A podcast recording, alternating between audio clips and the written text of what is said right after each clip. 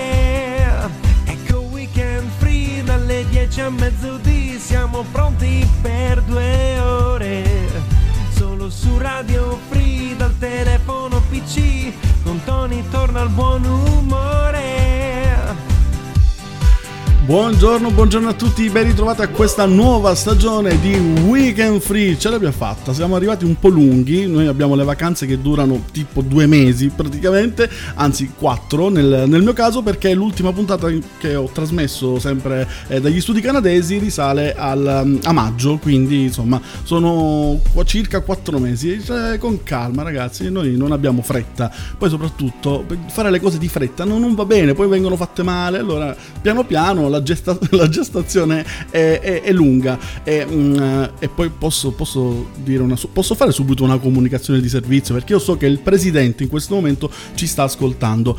Quindi, presidente, pre- presidente, ma si può essere denunciati per sigla ingannevole? Cioè, come la pubblicità ingannevole? No, la, la sigla dice staremo insieme per due ore dalle 10 a mezzodì, ma non è vero, staremo insieme fino alle 11. Eh, eh sì, eh sì, eh sì. Eh, prima novità di quest'anno, um, Weekend Free dura soltanto un'ora per venire incontro alle capacità mentali del conduttore, perché il conduttore non gliela fa. No, non, non reggo due ore, ragazzi, ormai l'età è quella che è, avanza anche per me, cioè voglio dire quindi mm, eh, non, non- ce la si fa. Quindi un'ora da questa, eh, da questa stagione, però un'ora comunque densa, ricca, piena di, eh, di cose e soprattutto di musica, musica che scegliete voi naturalmente. Ma adesso poi spiegheremo tutto ehm, per, per Benino e, e poi volevo anche spiegare il perché di questo ritardo. Voglio dire, quattro mesi sono davvero tanti perché ehm, dovete sapere che noi mm, abbiamo questi studi qui in Canada, siamo una radio canadese, trasmettiamo dal Canada e il problema qual è? Che d'estate, mh, qui dove siamo noi, dove abbiamo gli studi noi, eh, aprono la piscina comunale. Quindi, cioè, perché comunque in estate in Canada comunque non è che ci sono 40 gradi come in Italia, ci sono sempre quei 23-24 gradi, quindi anche la piscina estiva è al coperto. E quindi io sono venuto qui per fare la diretta, però mi hanno messo a vendere i ghiaccioli in un banco lì di fianco alla piscina. Mi ha detto: no, no, ma sono gli accordi che abbiamo preso col tuo presidente, quindi questo è quello che devi fare d'estate. E quindi, mh, ed eccoci qua. Alla fine hanno finalmente smontato, chiuso la piscina e noi possiamo tornare a trasmettere. Oh, ce l'abbiamo fatta. Io devo fare un saluto particolare a Panix che si è collegato in questo momento. Ciao Panix in bocca al lupo perché lui era uno dei personaggi delle stagioni passate di Weekend Free. Adesso ha un programma tutto suo su Liberta- la- Ri- Libertaria Radio, una roba del genere. Scusa Panix, magari me lo scrivi dopo così la diciamo bene. E, mm, e quindi comincerà dalle 10.30 alle 12. Quindi ci sovrapponiamo un pochettino, però dai, eh, in bocca al lupo per tutto Panix. Un altro saluto invece a mm, Dennis e Yuri, eh, che mm, dai nomi sembrano due giostrai rumeni, in realtà no, gestiscono una stazione di, di servizio, quindi sono i miei spacciatori di benzina preferiti, quindi ciao ragazzi anche a voi. E naturalmente salutiamo tutto il gruppo di Weekend Free che è già all'attivo da parecchi parecchi minuti, anzi diciamo ore, perché il primo post tipo è arrivato, che ne so cos'erano, le, le, sette e mezza, cioè più o meno Francesco che scriveva mancano due ore e mezza, lui ha fatto il countdown praticamente e, e così. Ma, ma, voi noi, voi, cari ascoltatori, nuovi utenti che vi siete magari collegati oggi per la prima volta o che per la prima volta, noi vi siete collegati magari altre volte al sabato, ma per la prima volta sentite la mia voce, cioè, ma questo qua, ma che cioè, allora, io sono Tony, buongiorno, non so se mi sono presentato prima, e questo è Weekend Free, è tornato il morning show di Radio Free. E per comunicare con me in diretta naturalmente potrete farlo attraverso il nostro sito dove troverete in basso a destra un pulsantino verde verde, un bottoncino, ci cliccate sopra e da lì potrete inviarmi un messaggio di testo, facile, veloce, indolore. Oppure potrete mh, mm, trovarci su Facebook Weekend Free, mi raccomando la pagina Weekend Free, scritto tutto attaccato. Lì troverete la pagina, cliccate mi piace, anche lì potrete scrivere e mandare i vostri messaggi, ma io vi consiglio vivamente di entrare nel gruppo di Weekend Free, appunto Weekend Free il gruppo, dove troverete, a parte una banda di scalmanati, pazzi, esauriti, esauriti, vabbè adesso poi li andremo un attimino a, a, a leggere, ehm, però potrete anche partecipare al nostro gioco, gioco che ci ha portato a che ci ha portato un vincitore, un vincitore Fabiano direttamente da Genova, adottato diciamo, ehm, e questa è la canzone che ha vinto la prima eh, edizione, proprio perché oggi cominciamo, quindi è la prima, per forza, la prima edizione della canzone fortunata. Florence and the Machine, Dog Days Are Over. Happiness hit her like a train on a 80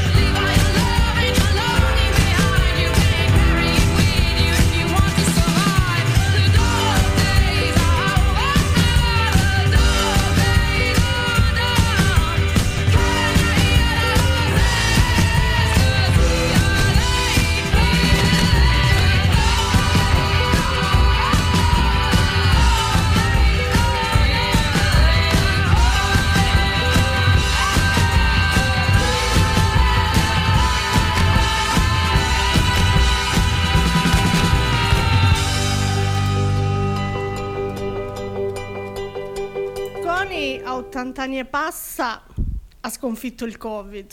Tu Sì. non riesci a fare due ore di trasmissione. Ecco, hai capito? a 80 anni che fai? e, e io non ci arrivo. Bentornato Tony, ci sei mancato tanto. Grazie, grazie. Eh, no, dicevo, ehm, a 80 anni non ci arrivo, cioè, è, è ovvio, mi sembra palese come, come cosa, no? Cioè, poi voglio dire, se- Berlusconi mi volesse anche adottare, io andrei subito a fargli anche da badante, cioè mi vesto pure da donna e faccio da badante. Allora, mh, lo dovevo a Panix, Libertalia Radio, lo dovevo dire bene, grazie Panix per eh, il messaggio e ancora mh, naturalmente in bocca al lupo. E, e poi, poi voi non ce la fate più, cioè, ma voi vi rendete conto che non ce la fate più, vero? Cioè, no, per dire eh, Fabio, mh, mamma che asciugone, eh, Catherine, perché si riferiva alla pre-sigla, alza cosa, ma, cioè, ma perché devi... eh, Alessandro, Tony hai finito di asciugare, Mm, Franco, buongiorno a tutti, buongiorno Franco anche a te naturalmente, Ehm, eh, Francesco, prepariamoci, ci deve ancora asciugare con il nuovo gioco. Ehm, no, invece Francesco, ti stupirò, in questa cosa ti stupirò, ma buongiorno invece scrive Mara, buongiorno e benvenuta anche a te mm, eh, Mara. Eh, Cesare, no, puntuale, Cesare, cioè questa sarà la novità più grande di questa stagione, la mia puntualità. Io, guarda, vi stupirò con effetti speciali tutti i sabati dalle 10, anzi anche un minuto prima, va, giusto per eh, non perdere, mm, eh, come dire, partire bene, insomma. Eh, Tony, avete sbagliato mm, eh, l'ora, cucù, cominciamo bene, siete già in ritardo di 30 minuti. Eh, sì, c'è sul sito forse l'orario sbagliato, vabbè, correggeremo. Presidente, ecco lei adesso prenda pure nota, prenda appunti, grazie, faccia, eh, faccia pure. Eh, E allora, poi Radio Free Live. Ah, ok. Grazie Presidente perché lei mi scrive delle cose che io mh, così mentre sono in diretta leggo proprio bene. Grazie. Potevo anche scrivere due righe in più, magari. Eh, no, no, non è per dire, eh, cioè per dire, poi lei faccia quello che vuole, naturalmente. Allora, per rispondere a Francesco che scriveva ci deve fare ancora l'asciugone perché ci deve spiegare il gioco. Ragazzi, come vi dicevo in apertura, sarete voi al centro di Weekend Free questa stagione. Cioè, della serie tu non fai un cazzo. No, cioè, per- cioè, perché voglio che siate voi i protagonisti, cioè in quel senso lì. E quindi non solo mh, eh, attraverso il nostro gioco la canzone fortunata e vi ricordo per chi ci stesse ascoltando in questo momento per partecipare al gioco la canzone fortunata è condizione necessaria iscriversi al gruppo, quindi Weekend Free il gruppo, mi raccomando. E, e- e dicevo, eh, siete voi protagonisti perché tramite il gioco eh, determinerete la scaletta, le 10 canzoni che poi andremo a suonare durante la nostra diretta. Ma non solo questo. Non solo questo, non ci siamo fermati a questo, abbiamo anche deciso di lasciarvi spazio per quel che riguarda lo spiegone. Cioè, ragazzi, voglio dire, cioè, non perché devo essere io a spiegare il gioco ogni settimana, che poi tra l'altro non lo capite. Io ve lo spiego, ma voi continuate a non capire perché non ascoltate. E allora ho detto, selezioniamo qualche ascoltatore a caso, così pescato un po' random, e ci facciamo spiegare il gioco. Così vediamo un po' quello che hanno capito. E allora colleghiamoci un attimino con lo spiegone della settimana. Vediamo un po' chi sarà a spiegare il gioco, la canzone fortunata. Gli ascoltatori ogni settimana Sì. scelgono una canzone Brava. con l'autore o il cantante? Il cantante, giusto? È uguale. abbinato un numero, Un numero, sì. numero fortunato, un numero a scelta. E Esatto. pubblicano la richiesta nel post nella pagina di Weekend Free. Del In gruppo. inglese Weekend Free. Dopodiché il mercoledì, No. quando è che lo pubblichi? Giovedì. Vabbè, il mercoledì, Eh no, giovedì. della settimana, sì, il mercoledì della settimana Sì, ok, c'è il sondaggio. Sì. Quindi Weekend Free Sì. Pam pubblica la, la lista delle canzoni scelte Sì. e ognuno di noi voterà una canzone, Sì. una sola canzone Brava. preferita. Una. E ovviamente non ci si può autovotare. Eh no, cioè- Le prime due canzoni. Sì. che paura. Perché? Le due canzoni che hanno preso più voti Sì. passeranno dritte dritte al sabato Esatto. alla diretta. Perfetto. Altre otto canzoni. Eh sì. Ma co- ah sì. Giusto, sì. Altre le altre otto canzoni verranno sorteggiate tramite il numero. Oh. Quindi Sì. se la mia canzone non dovesse essere votata dagli altri ascoltatori, Sì. avrebbe la chance col sorteggio. Bravissima. Porca miseria, che brava. Va bene. Cioè, io mi sono capita. Non so voi, ma io mi sono capita e sono fiera di me. No, ma voglio dire, ma l'importante è quello. L'importante è che, ragazzi, lei si è capita. Poi, se voi avete capito, non è importante. Lei si è capita ed è fiera di sé. Brava Lorella, numero uno. Quindi, se qualcun altro volesse fare lo spiegone, può contattarci, poi ci metteremo d'accordo. Va bene?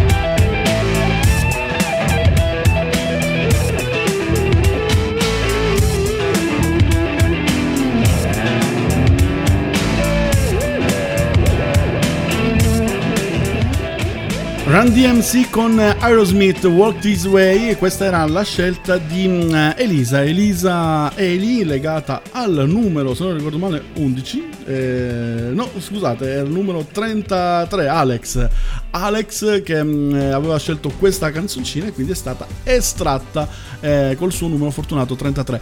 Io sto leggendo un sacco di messaggi dove mi dicono che la radio salta, che non si sente, che è partita la pubblicità, che, che è saltato tutto, che adesso è tutto muto, che non ho pagato la bolletta, cioè, non lo so, io spero, spero che mh, può, può succedere, eh, può succedere anche perché, ehm, piccola parentesi eh, seria, è dovuta mh, praticamente nel sud Italia, dove abbiamo comunque anche la regia, eccetera, eccetera, e sta succedendo un po' un casino a livello di, di tempo, cioè molto, c'è un maltempo molto forte e anche tutta notte, insomma, ha piovuto tutta notte, continua a piovere venti mh, molto forti, quindi eh, è chiaro che insomma si spera che non ci siano eh, grosse conseguenze, intanto in generale proprio a livello di, di danni, a livello insomma di, di- di vittime eccetera eccetera. E però la connessione internet può, può- potrebbe ehm, subire insomma un attimino qualcosa. Io spero vivamente che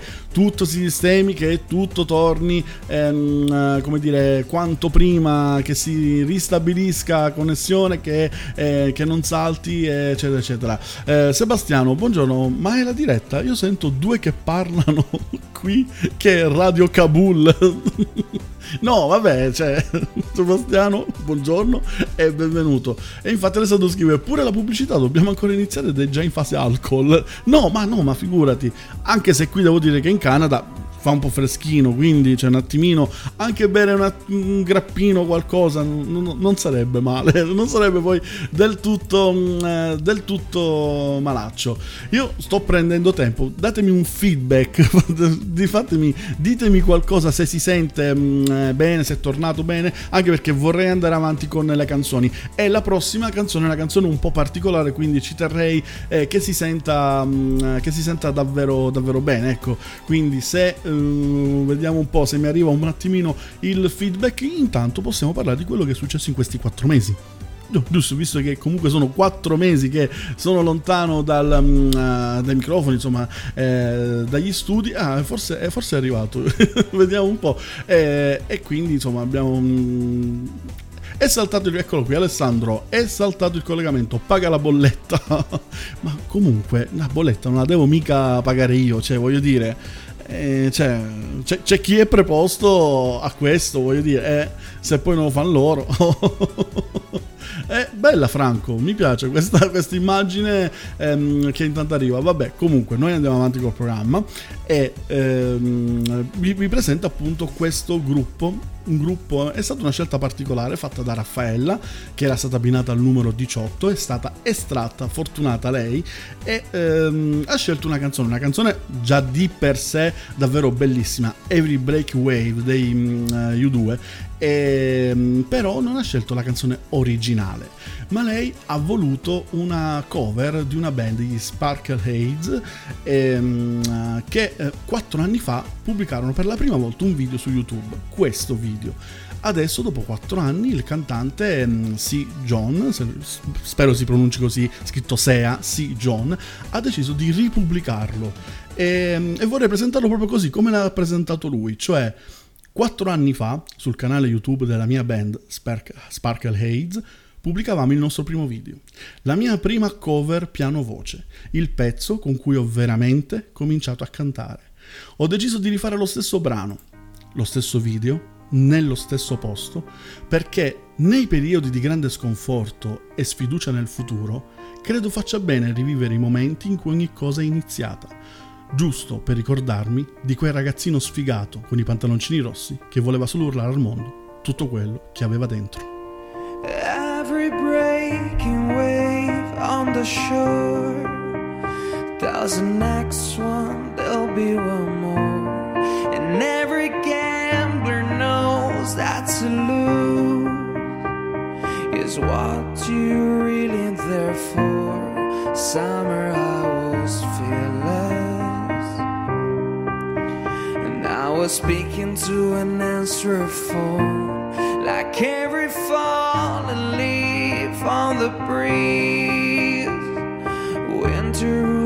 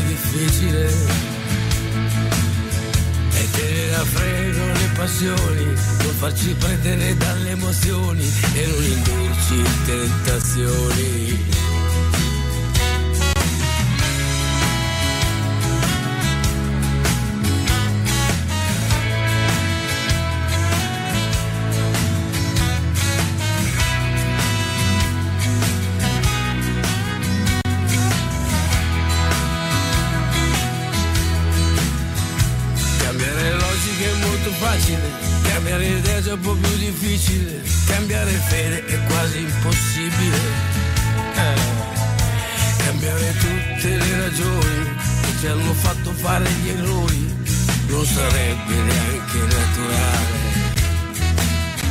Cambiare opinione non è difficile cambiare partito è molto facile cambiare il mondo è quasi impossibile. Si può cambiare solo se stessi sembra poco ma se ci riuscissi. fare stilare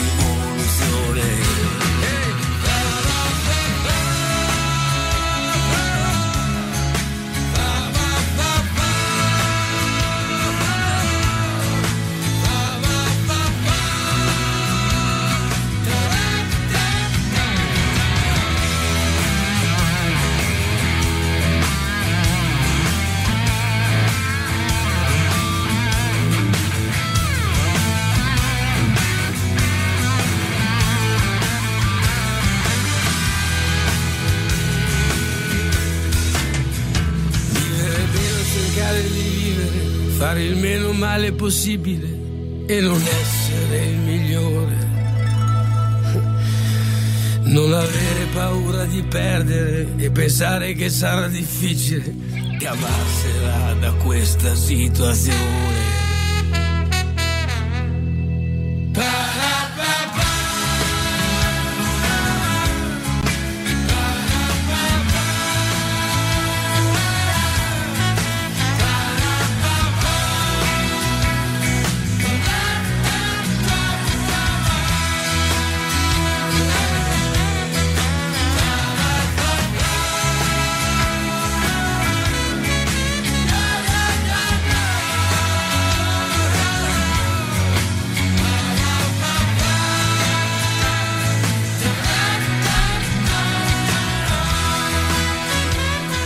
Vasco Rossi Cambiamenti, la canzone scelta da, mm, da Andra legata al numero 83, mentre prima abbiamo sentito una cover di Every Break mm, Wave degli U2 eh, cantata appunto dagli mm, Sparkle Haze, era la selezione di Raffaella abbinata al numero 18. 10.33 in questo momento, buongiorno, buongiorno a tutti, sempre in diretta qui dagli studi canadesi di Weekend Free, io sono Tony di Radio Free Live, scusate, di Radio Free Live, questo è Weekend Free, io sono mm, Tony e questa è la prima puntata della nuova stagione e c'è qualche problema, ovviamente ragazzi, ma cioè, pensavate che potesse andare tutto liscio senza nessun intoppo? Ovviamente no, ce ne scusiamo, speriamo insomma che si siano risolti, abbiamo mandato la nostra squadra di tecnici a lavorare subito, ma cioè proprio noi abbiamo una squadra d'emergenza, cioè praticamente loro vivono chiusi in uno stanzino con tutti gli attrezzi addosso praticamente, hanno tutti chiavi inglesi, cioè, martelli, cacciavi, tu, tutto, hanno tutto addosso, nelle tasche hanno un gilet con mille tasche praticamente, sono quattro e vivono chiusi in una stanza. Quando c'è un problema, salta la connessione oppure salta proprio la, la- la diretta, eh, loro partono e vanno a sistemare mh, qualcosa. Non si sa cosa, cioè nessuno ha mai capito, però fun- cioè, funziona perché credo di essere eh, tornato. Infatti Andra ho visto che mh, aveva pubblicato una, una faccina con i cuoricini, eccola qua, tre faccine con i cuoricini, eh, appunto perché secondo me stava ascoltando la canzone, mentre Francesco, ma tutta la dobbiamo sentire, Adesso non so a quale delle due ti riferisci, ma erano comunque due canzoni bellissime, cioè non ho capito. Eh, Catherine, ma il gioco dei numeri lo ha spiegato, lo ha, mm, ha spiegato all'inizio Lorella. Poi magari se volete lo rimando anche. Cioè, però comunque ehm, eh, Lorella poi mh, perché quest'anno abbiamo deciso di lasciare molto spazio a voi quindi sarete voi a spiegare il gioco ripeto se qualcuno volesse prenotarsi può tranquillamente farlo ora Facciamo un attimino di pausa dalla musica. Abbiamo già sentito qualche brano eh, selezionato da voi, abbiamo salutato il vincitore Fabiano, eccetera, eccetera. Ma all'interno di questa oretta passata insieme non ci bastava farvi scegliere le canzoni, non ci bastava ehm, lasciarvi in mano la spiegazione del gioco.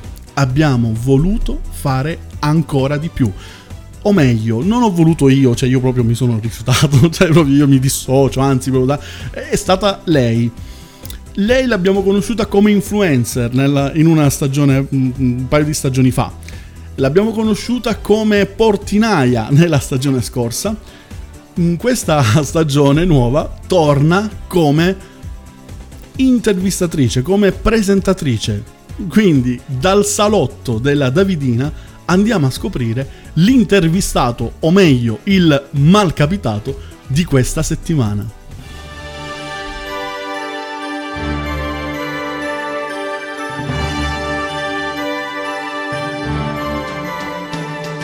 Oh, buongiorno, buongiorno, ciao Ale e grazie di aver acconsentito a questa intervista con la Davidina.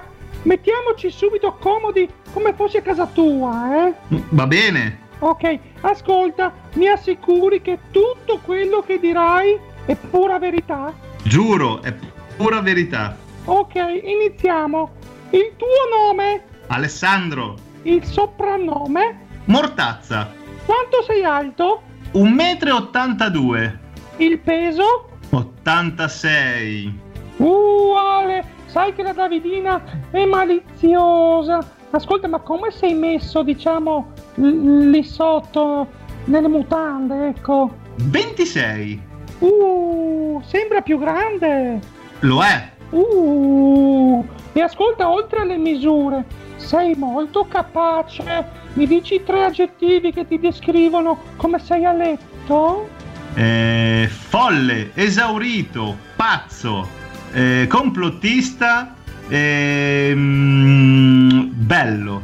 Caro Ale, tu diventi pazzo se ti toccano? Che parte del corpo? Devo? Le palle. C'è una canzone che ascolti mentre fai l'amore. Uh, Oddio, come si chiama quella di Emma Marrone lì? L'ultima che ha fatto, non mi ricordo il titolo. la squadra di Serie A, quella che proprio odi. Juventus, La squadra tua, proprio la squadra del cuore, qual è? Inter, E senza essere volgare, cosa pensi di chi tifa la Juventus? merda. Adesso mi, mi simuli un orgasmo, per favore, Ale. Gol! E andiamo! Gol!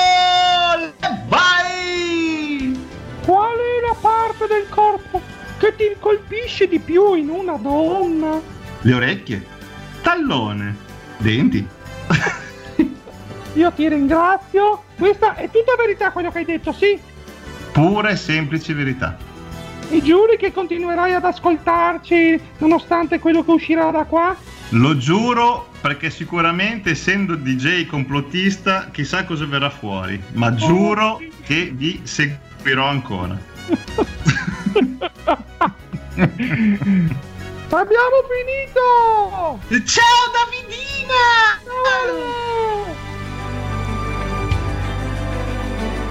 E speriamo vivamente che continuerà mm, a, a sentirci se si sente, perché alla fine il dubbio è proprio quello, cioè non è tanto che uno non ha voglia di seguire o non riesce a seguire, se riesce a- a sentire qualcosa dal PC, speriamo, speriamo.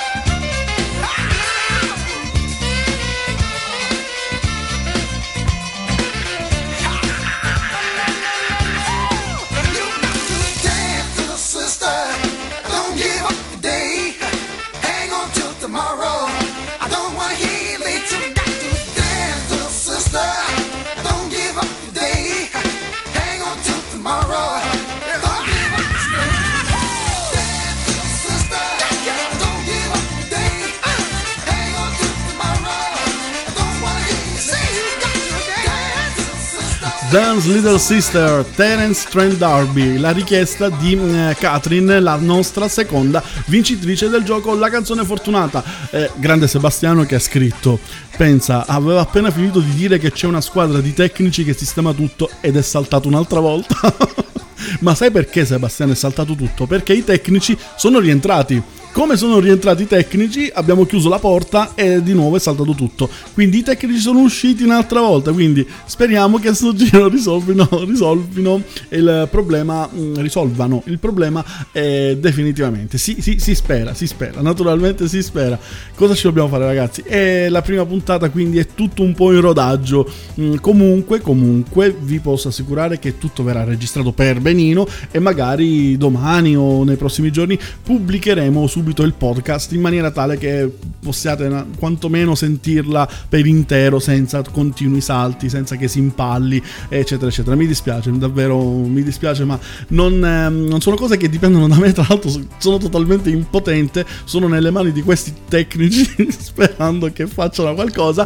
E noi intanto andiamo avanti. Andiamo avanti con, ehm, con la musica. Ho deciso di metterli insieme loro due perché sono una coppia nella vita di tutti i giorni, marito e moglie, credo anche da dieci anni, da poco hanno festeggiato il loro mm, eh, anniversario, quindi hanno vinto entrambi, cioè oh, entrambi i loro numeri sono stati estratti, il 19 per Francesco e il 20 per Alice. Quindi con un Deca 883 e subito dopo Mahmood Sferbasta e Fade Dorado. Ne parlavamo tanto tanti anni fa di quanto è paranoica questa città, della sua gente e delle sue manie, due discoteche, 106 farmacie.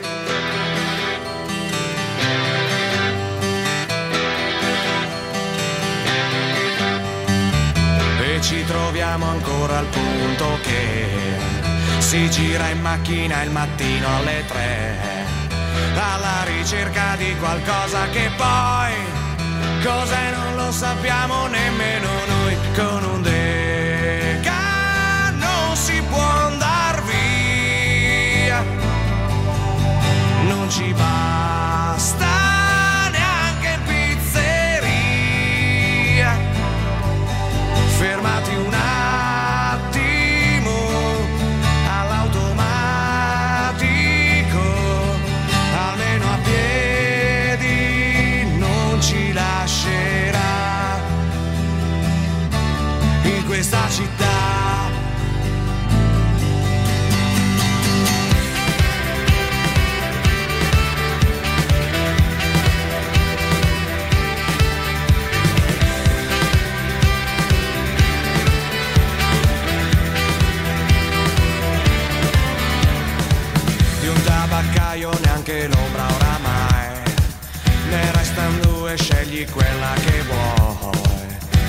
cosa lascia accesa fare la D? Che poi due stronzi se ne accorgono qui. Guarda di là quei cani che ululano per una femmina che dice di no. Adesso vanno in giro a fare gli eroi poi torneranno a casa un po'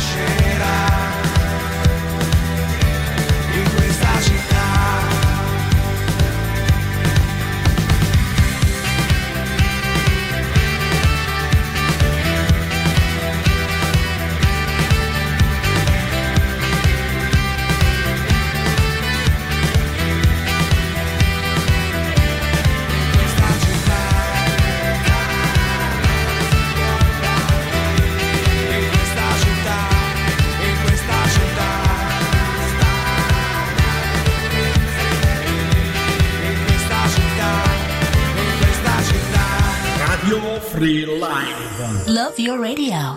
Love your music. This is the best thing on your radio.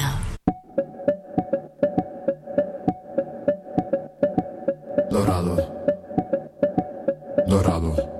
Dorado, dorado, dorado. Nelle tasche avevo nada, ero cullo nero Prada.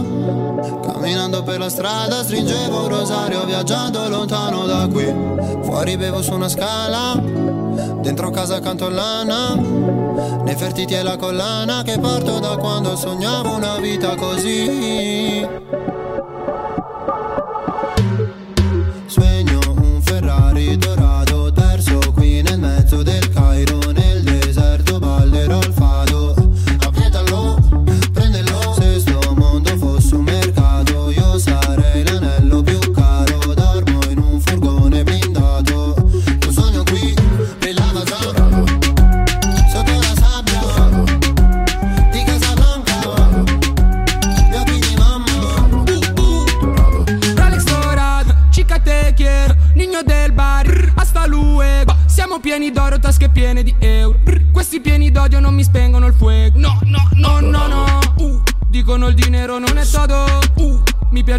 Perché al culo sodo. Uh, la potrei portare ad Eldorado, andare dritti al sodo, ok? Sogno un Ferrari dorato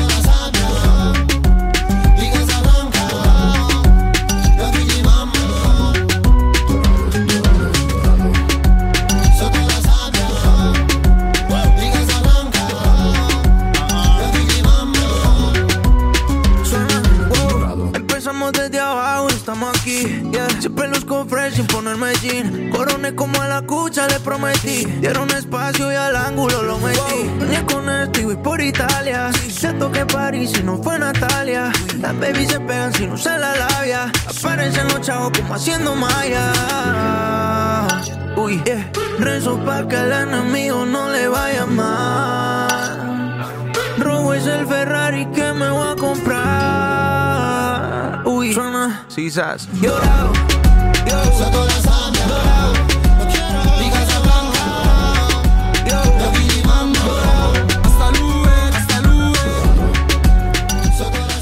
Dorado, Mahmood, Spera e Basta e Fade, la richiesta di Alice mh, che era stata mh, che aveva richiesto anche il numero fortunato 20, mentre prima abbiamo sentito con un deca mh, di Francesco abbinato al numero 19. Questa è la doppietta che abbiamo appena sentito. Ah mamma mia, oh, che cattiveria che, che leggo. A parte una cosa così, adesso giusto per dire, no, così e fino adesso è saltato tutto.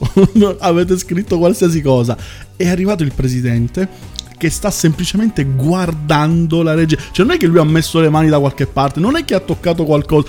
No, lui è arrivato e sta guardando la regia. Adesso va tutto bene, non salta più nulla. Cioè, ade- no, spiegatemi. Allora, Vinci, o tu hai uno sguardo talmente magnetico eh, da far ehm, eh, come dire, intimidire la regia, perché altrimenti non si spiega. Eh, però, eh, vabbè, infatti, Alessandro. Scusate, per dire, scrive: eh, Se è passata la mia intervista, non si è sentita. E la tua intervista, Alessandro, è già passata. Quindi, e- invece, eh, Vinci scrive: Il presidente mi pare tutto normale adesso alle 10.50. Quindi, eh, che vi devo dire, ragazzi? Lui ha questo sguardo magnetico. Che poi, tra l'altro, che- che è un segreto che vi svelo, voi non ditelo a lui che ve lo sto dicendo. Cioè, lui, lui fa così anche con le donne. Cioè, lui, capito? Lui arriva, arriva, guarda le donne, le donne boom, cadono ai suoi piedi. Cioè, è una cosa incredibile, però è, è, mm, è così, è così.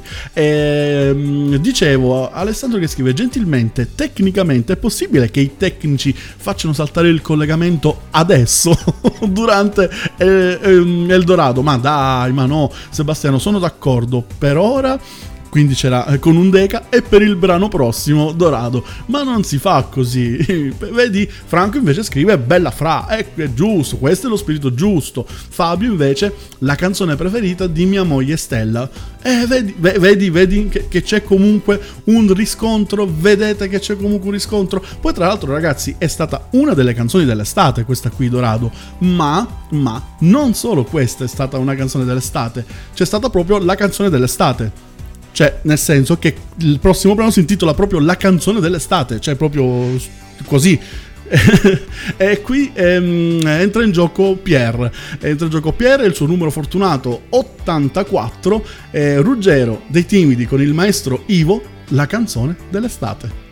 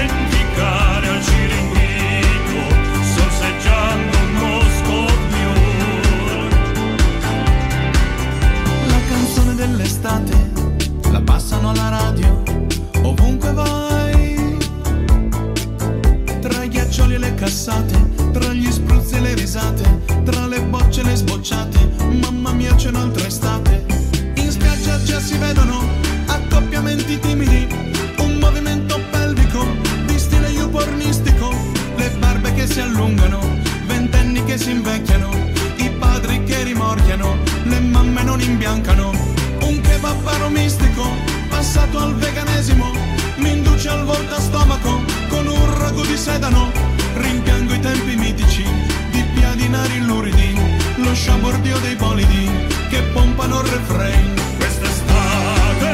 Voglio limonare, ho la lingua fatta per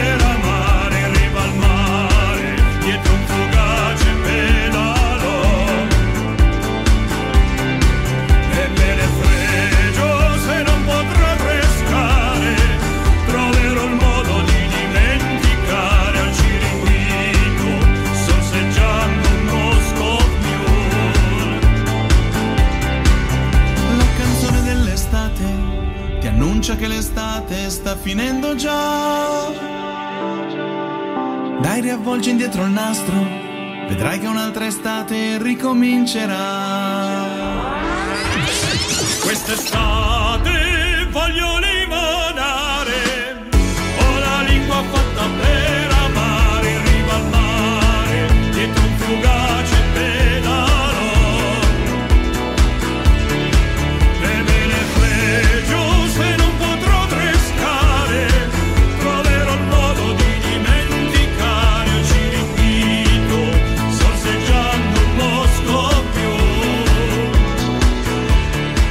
Grazie, grazie a Pierre per questa magnifica canzone. La canzone dell'estate, Ruggero dei Timidi con il maestro Ivo. Eh, gra- a me fa tanto ridere. insomma, il video poi, ragazzi, è qualcosa di spettacolare.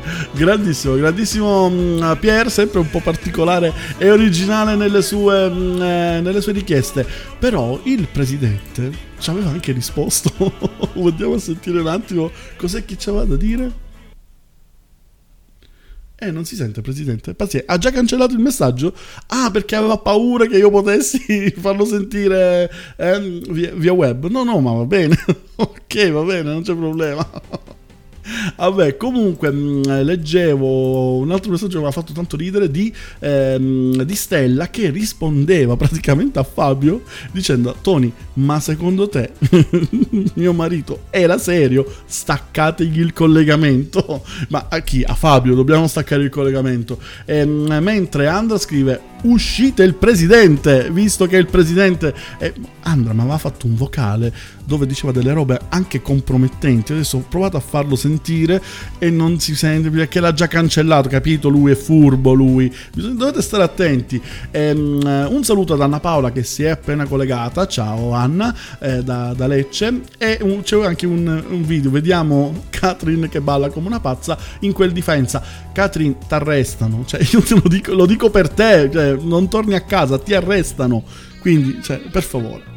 Allora, andiamo con ordine, andiamo ancora avanti con la musica. La richiesta di Elisa, Eli, una delle canzoni più belle di Vasco, devo dire la verità, una delle mie preferite. Brava Elisa.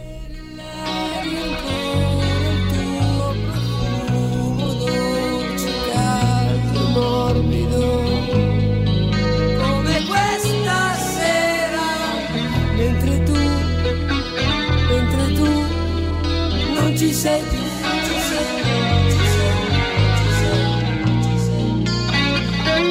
e questa sera nel letto metterò qualche coperta in più perché se no se no freddo senza averti sempre senza averti sempre addosso. E sarà triste lo so ma la tristezza però si può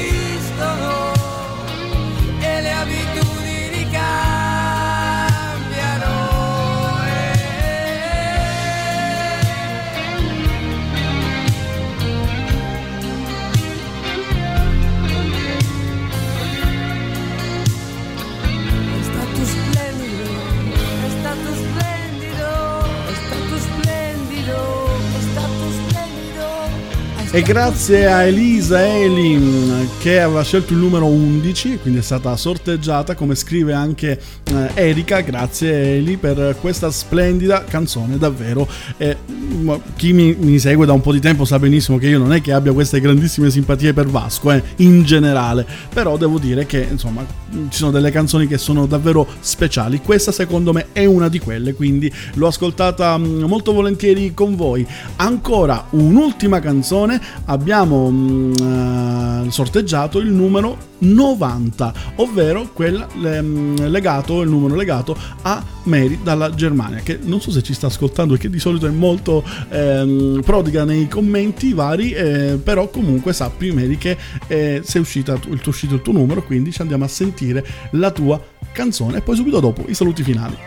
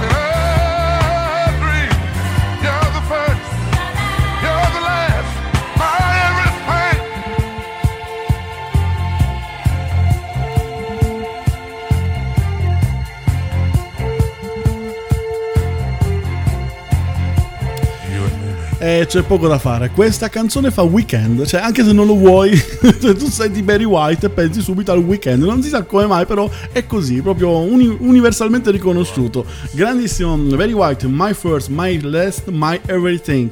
E grazie a Mary per la sua scelta, naturalmente. Grazie mm, eh, anche a Barry White per averci regalato comunque queste canzoni da weekend, proprio tipicamente da, mm, eh, da weekend. Noi siamo arrivati alla fine, però prima dei saluti finali io vi voglio rubare ancora un minuto. Quindi se, se siete lì un attimino vi chiedo di aspettare ancora questo minutino perché ci tengo a raccontarvi eh, una cosa, una, una cosa che non sa nessuno, mm, che sapevamo eh, soltanto io e la diretta interessata, quindi voglio condividere mm, con voi questa cosina qua. E, mm, parliamo di circa tre anni fa eh, ho conosciuto questa persona tramite vabbè, un gruppo su, su Facebook, eh, un gruppo legato ad una trasmissione radiofonica e, e, si parlava di radio perché lei era davvero mh, tanto, tanto appassionata di radio. E, mh, e allora mh, dissi: Anch'io nel mio piccolo faccio la radio, almeno ci provo. Eh, così. E lei ho detto: Potresti venire ad ascoltarmi qualche volta, magari se hai voglia il sabato mattina. Lei mi rispose: Guarda, che io in radio ascolto soltanto una persona e ascolto soltanto Marco Galli. Che per, non, per quei due o tre che non lo conoscessero, Marco Galli, a mio parere, il, mio più, il più grande conduttore radiofonico italiano. E, um, mi disse: Io ascolto soltanto Marco Galli. Tu pensi di essere all'altezza? Io ho detto: Guarda, è chiaro che io non, non sarò mai all'altezza di, di, Marco Galli, ma mai nella vita. Però ho detto: Io laddove non ho la tecnica, provo a metterci il cuore, provo a metterci la passione e spero che questo arrivi a chi sta dall'altra parte. E allora lei ascoltò quel sabato, venne all'ascolto e da quel giorno lì non mi ha mh, più lasciato. Praticamente tutti i sabati era sempre una delle primissime a collegarsi e, e, a non perdersi mai una puntata, ma seguiva anche in maniera molto attenta, non si risparmiava nei complimenti ma neanche nelle critiche, devo dire delle volte anche feroci, ma sempre fatte però con il cuore e quello si sentiva perché era veramente un'ascoltatrice molto attenta. Quindi io in questo momento penso a lei in qualunque posto sia, con le sue cuffiette, che insieme a me, insieme a voi, ascolta questa canzone. Ciao a tutti e ciao Daniela.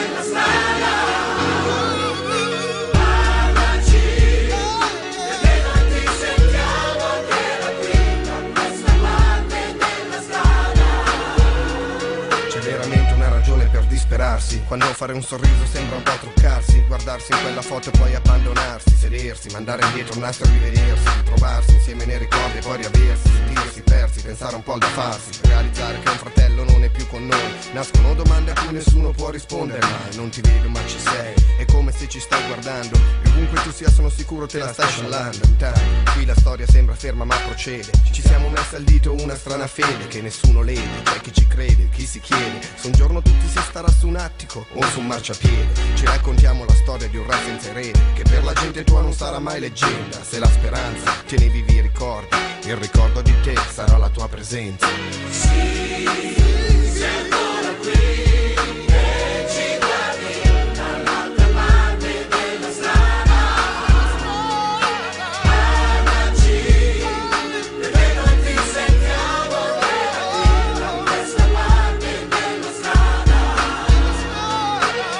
Sento il tuo sguardo su di noi che ci protegge e giudica. A volte a mente lucida sento la tua voce dentro certa musica. Con il tuo esempio in testa in questa città che mi snerva Che vuole che mi perda L'avevi fatta tua serva Tutti i fratelli che hanno oltrepassato la linea Ora ti stanno accanto. La nostra strada continua fino al punto d'incontro. Oltre la soglia del vivere Dove la preghiera non serve saremo ancora insieme a ridere. Dove la parola chiave è condividere Ma come quando non saremo noi a decidere. Intanto qui si balla e a volte è bello insciallo A volte stare a tempo macello Allora mi ribello e martello Impegnandomi al massimo finché mi riesci Come mi insegnavi Ballerini si nasce Bella sabbia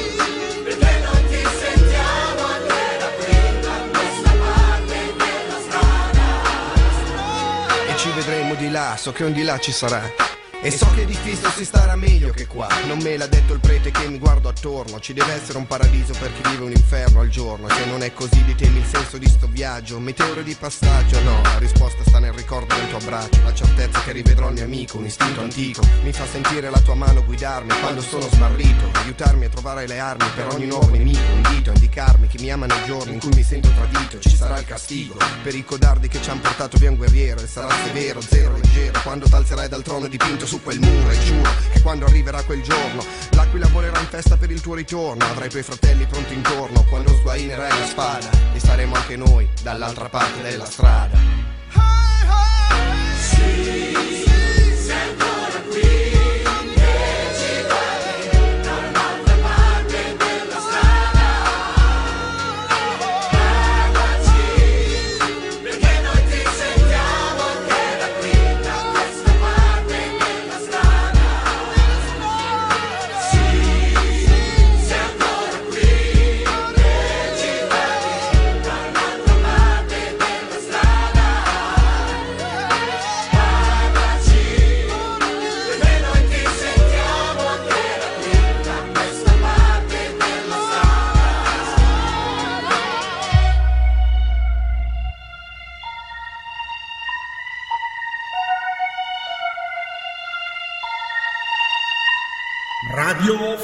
Live. Love your radio.